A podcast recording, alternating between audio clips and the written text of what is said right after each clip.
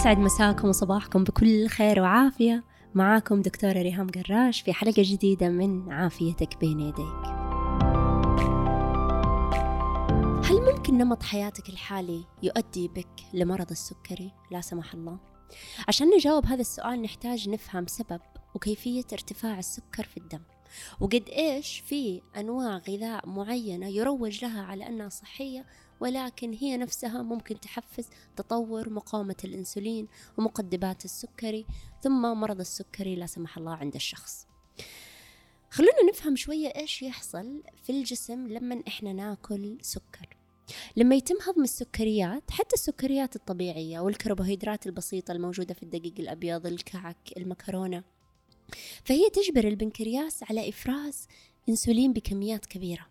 وهذا أمر, أمر ضروري عشان السكر المرتفع في الدم يبدأ ينزل ويخرج من مجرى الدم ويروح إلى الخلايا.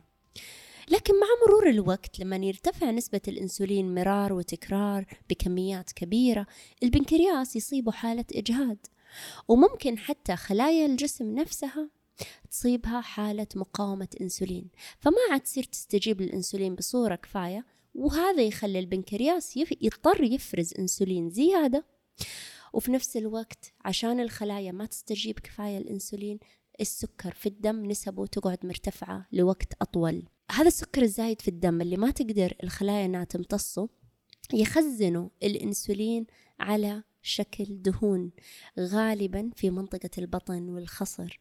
وهذا يسبب السمنة ارتفاع الكوليسترول والدهون اللي على الكبد.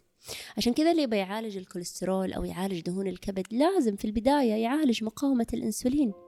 يرتبط السكر الزايد في الدم أيضا بزيادة سماكة جدار الشرايين وهذا يزيد بشكل مباشر من خطر الإصابة بأمراض القلب والأوعية الدموية والتجلطات والالتهابات والسرطانات والسكتات الدماغية وغير ذلك لا سمح الله.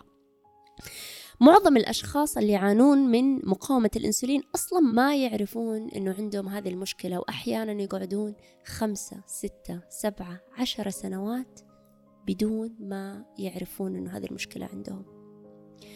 وفجأة يتفاجؤون أنه تم تشخيصهم مرض السكري.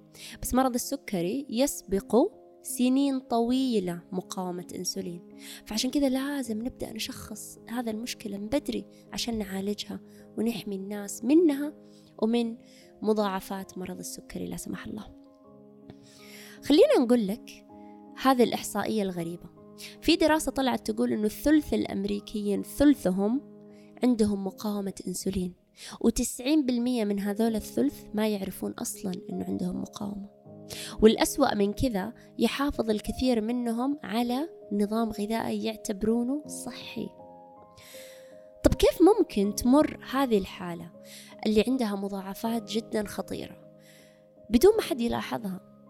حقيقة أنه مقدمات السكري أعراضها جدا غير واضحة. عشان كذا كثير ناس أصلا ما يعرفون أنه عندهم هذه المشكلة. خليني أقول لكم بعض علامات ارتفاع الأنسولين المتكرر في الدم. تقلب المزاج. الرغبة الشديدة في أكل الطعام والشهية المرتفعة. التعب الحاجة للمنشطات اللي هو مثل احتياج شرب القهوة والشاي بصورة كبيرة. المتلازمة ما قبل الحيض اللي هو لما الإنسان يكون مزاجه جدا متعكر قبل الدورة. أحيانا يكون عنده صداع شديد أحيانا يكون عنده آلام وأحيانا يكون عنده حالة من الإرهاق والخمول والتعب والتقلبات المزاجية والصداع النصفي.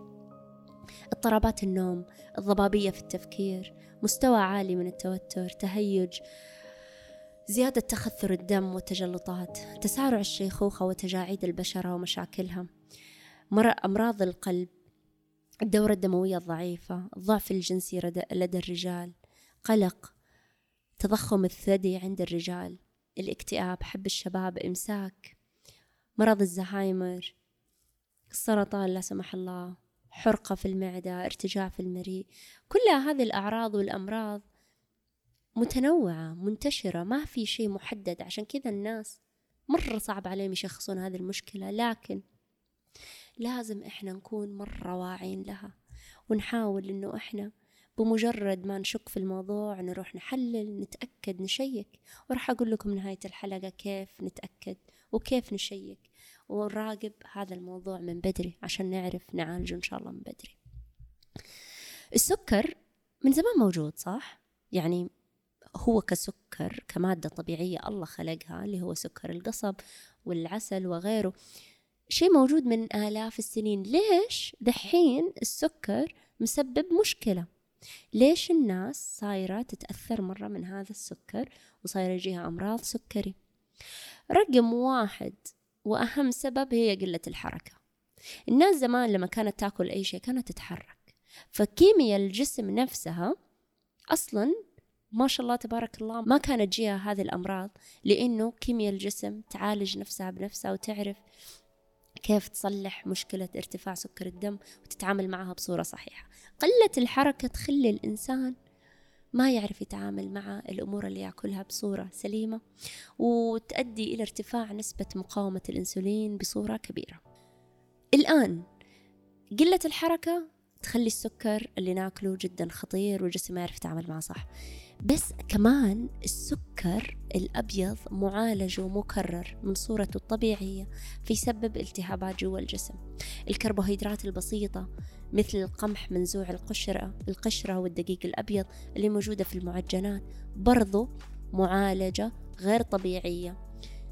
تعب الجسم وتسبب التهابات وتخلي الجسم ما يعرف يتعامل مع السكر الطالع منها بصورة صحيحة. وكثير مننا صار يفهم إنه الأطعمة المصنعة المعلبة الوجبات السريعة أي شيء معالج ومغير من الصورة والهيئة اللي الله خلقه عليها هذا الطعام يصير صعب جدا التعامل معه جوا جسمنا ويسبب اضطرابات والتهابات كثيرة جوا الجسم ويخلي الإنسان ما يعرف يتعامل معه ويعالجه بصورة صحيحة.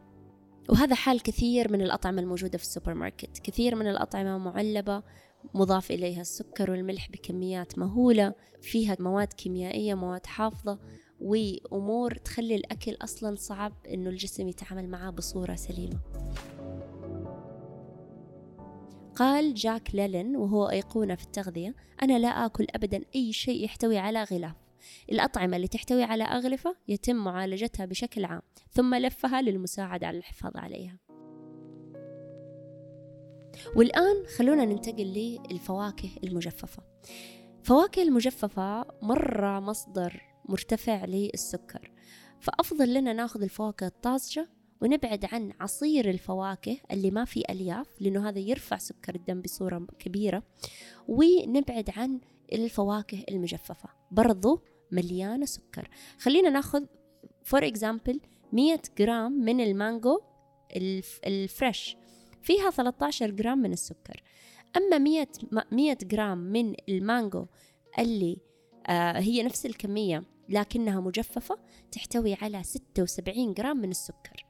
يعني كمية مهولة جدا مقارنة بالمانجو ال fresh.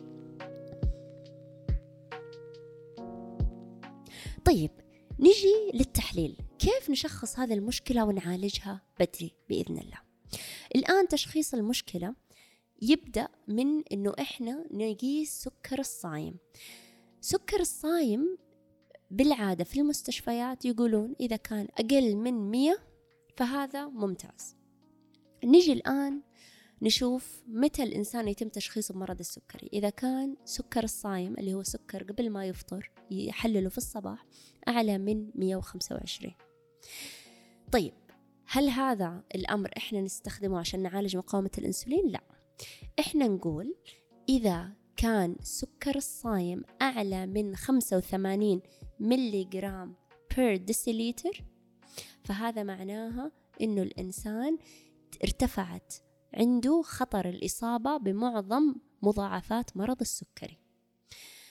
نجي الآن نقول طيب كيف الإنسان يحلل لنفسه هذا السكر الصايم أو السكر أول ما يصحى من النوم؟ هذا التحليل ممكن الإنسان يشتري جهاز ويحلله في البيت أو ممكن يروح عند مستوصف جنب بيته ويقيس ويراقب مرة كل كم شهر عشان يتأكد أنه سكر الصايم عنده ما هو قاعد يرتفع. في واحدة من الدراسات نظرت إلى مستويات سكر الدم أثناء الصيام في أكثر من 2000 رجل على مدى 22 سنة. الناس اللي عندهم سكر الصايم زيادة عن 85 ملغ per deciliter عندهم خطر متزايد للوفاة من أمراض القلب والأوعية الدموية بنسبة زيادة 40% ونفس الدراسة ورت أنه نسبة السكر في الدم ما بين 85 إلى 90 ملغ per deciliter في زيادة نسبة 20% من خطر الوفاة بسبب السكتة الدماغية أو النوبة القلبية. أما إذا كان سكر الصيام أعلى من 90 إلى 95 ملغ per deciliter هناك خطر آخر بنسبة 20% للوفاة بسكتة دماغية أو نوبة قلبية. ومع ذلك المؤسسات الطبية لسه تطلق على سكر الصايم أقل من 99 ملغ per deciliter آمن. وإحنا نقول لكم الآن لا مو آمن. لازم يكون أقل من 85 ولازم إذا كان أعلى من 85 تبدأ بالعلاج الصحيح اللي هو نمط حياة وتغذية صارم عشان تتعالج إن شاء الله من الموضوع من بدري وتحمي نفسك من مضاعفات هذه المشكلة بإذن الله. الآن ابدأ اليوم وشوف ممكن تاخذ لك الجهاز حق قياس سكري في البيت أو ممكن تروح المستوصف زي ما قلت لكم. إذا كان أول ما تصحوا من النوم آخر وجبة أكلتوها قبل 12 ساعة أو 10 ساعات قيسوا السكر. طيب إيش الأشياء اللي ممكن ترفع سكر الصايم؟ ممكن يرفع سكر الصايم إنه أنت عندك مقاومة أنسولين. بس في أسباب أخرى لازم أذكرها عشان الإنسان يتنبه لها. سكر الصايم ممكن يرتفع إذا الإنسان كان مرة زعلان في موضوع مرة مضايقه. سكر الصايم ممكن يرتفع إذا الإنسان ما كان ينام في الليل كان يسهر. سكر الصايم ممكن يرتفع إذا كان الإنسان أكل حلويات في الليل قبل ما ينام. طيب الآن هذه الأمور حطوها في بالكم. علاج مقاومة الأنسولين نمط حياة يعني تبدأ تهتم بعافيتك العاطفية عافيتك الغذائية عافية الحركة زائد عافية روتينك اليومي. لازم تحافظ على روتينك اليومي منتظم حتى فيزيولوجية جسمك ترجع تنتعش ويرجع البنكرياس إن شاء الله يشتغل بصورة سليمة مع هذه التغييرات ويرجع الاتزان لجسمك بإذن الله وتتعالج مقاومة الأنسولين. أكلكم حاولوا يكون ثلاث وجبات في اليوم متوازنة. مليانة خضار مليانة بقوليات مكسرات بذور بروتين وحاولوا إنه يكون الخضار ما يقل عن نص الصحن. جزء منه يكون مطبوخ وجزء منه ممكن يكون ني.